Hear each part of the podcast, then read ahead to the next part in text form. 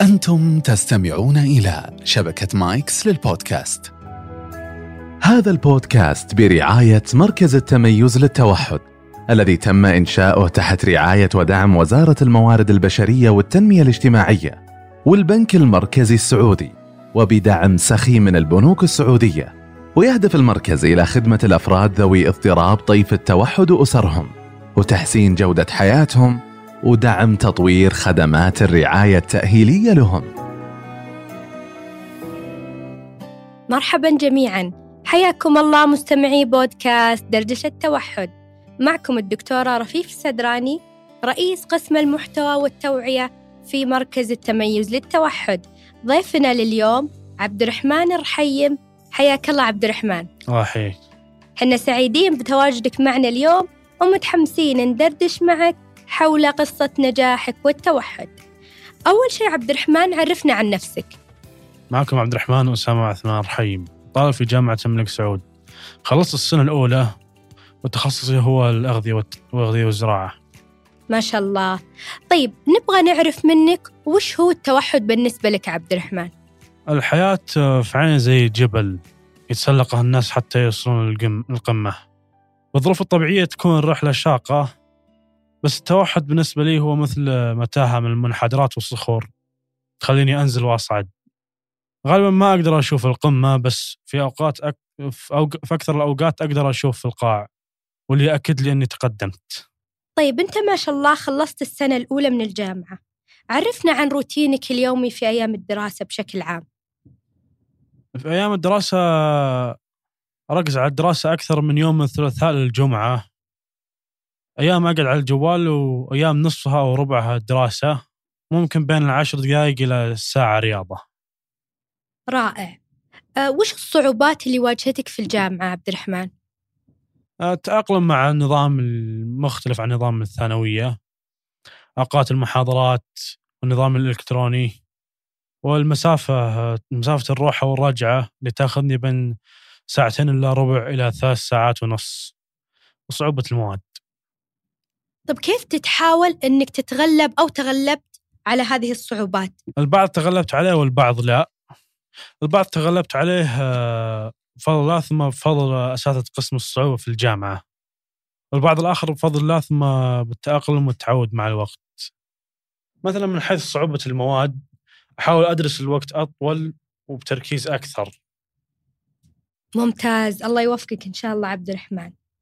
الآن نبغى تعطينا صفة مميزة فيك أو شيء أنت تبدع فيه؟ أنا ما أقدر أستسلم. بس هذه الميزة لها عيوب. أي ما هي مثالية يعني هي سلاح ذو حدين. من المنافع آه، إذا لقيت آه، في وجهي مشكلة ما أستسلم. ومن السلبيات أني عندي عشرات أو حتى مئات المشاريع اللي بديتها من سنين وللحين ما ما مصر أني أخلصها. مثل آه، كتاب حاولت ألفه من الصفر من كنت في الثانوية من دون خبرة أو معرفة تقريبا. وأخطط أني أنهيه في النهاية إن شاء الله. الرواية تتكلم عن أشخاص عالقين في جزيرة ولكن كل من الأشخاص العالقين في الجزيرة والجزيرة نفسها ما هم عاديين. أي أن الجزيرة فيها شيء فيها بلاء. ما هي جزيرة طبيعية عادية. ولكن الناس اللي عالقين أصلا ما هم ناس عاديين فغالبا ممكن أنهم ينجون. ما شاء الله. إن شاء الله تخلص الرواية قريب وتشاركنا إياها عبد الرحمن. طيب ما هو طموحك في المستقبل إن شاء الله؟ أني أتعلم اللي أقدر عليه عن الحياة ماديا وروحيا. ماديا من حيث المهارات وروحيا من حيث التجارب. يعني كيف أتعامل مع الناس بشكل عام. المعرفة هي هدف ممتاز لأنها كأنها بحر واسع. أو أقرب مثال لها هي السماء بكبرها نجومها وكواكبها. كمثال تعلم لغة جديدة أو مهارات جديدة مثل كتابة الروايات اللي تكلمت عنها من قبل. الطريقة الاكثر فعالية لممارسة التمارين الرياضية البسنة، النحت، النجا- النجارة، البرمجة وأكثر. الحديث شيق وممتع معك عبد الرحمن بس بالأخير نبغى منك كلمة توجهها للشباب من ذوي التوحد. حاول إنك تشوف العالم من منظور مختلف عن منظورك. ما أن تشوف الألوان بشكل مختلف الأصوات الناس من حولك.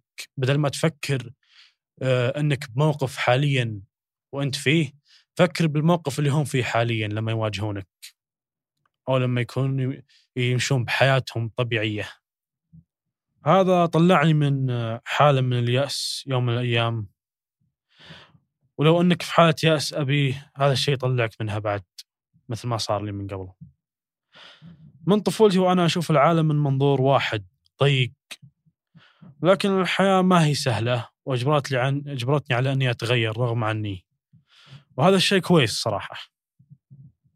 كمثال على المنظور المختلف اللي أنا أتكلم عنه. بالنسبة لي ما كنت أعرف وش معنى أمل. وكيف الناس يشوفونه. كنت أشوفها مجرد كلمة وما كنت أفهم شلون أستخدمها أو وش معناها بالضبط. لكن حاليا النظرة اللي أشوفها عن الأمل أو تفسيري له هو التمسك بالمستقبل. يعطيك العافية عبد الرحمن. صراحة تعريف أكثر من رائع للأمل. وصلنا لنهاية حلقتنا لليوم. شكرا لك عبد الرحمن. استمتعنا بقصة نجاحك وعقبال ما نفرح جميعا بتخرجك من الجامعة وتحقيق جميع أحلامك. أعزائي المستمعين نشكر لكم متابعتكم وأتمنى تكونون استفدتم من الحلقة. وبإمكانكم مشاركة الحلقة مع الأشخاص المهتمين من حولكم. انتظرونا مع ضيوف مميزين في حلقاتنا القادمة وفي أمان الله.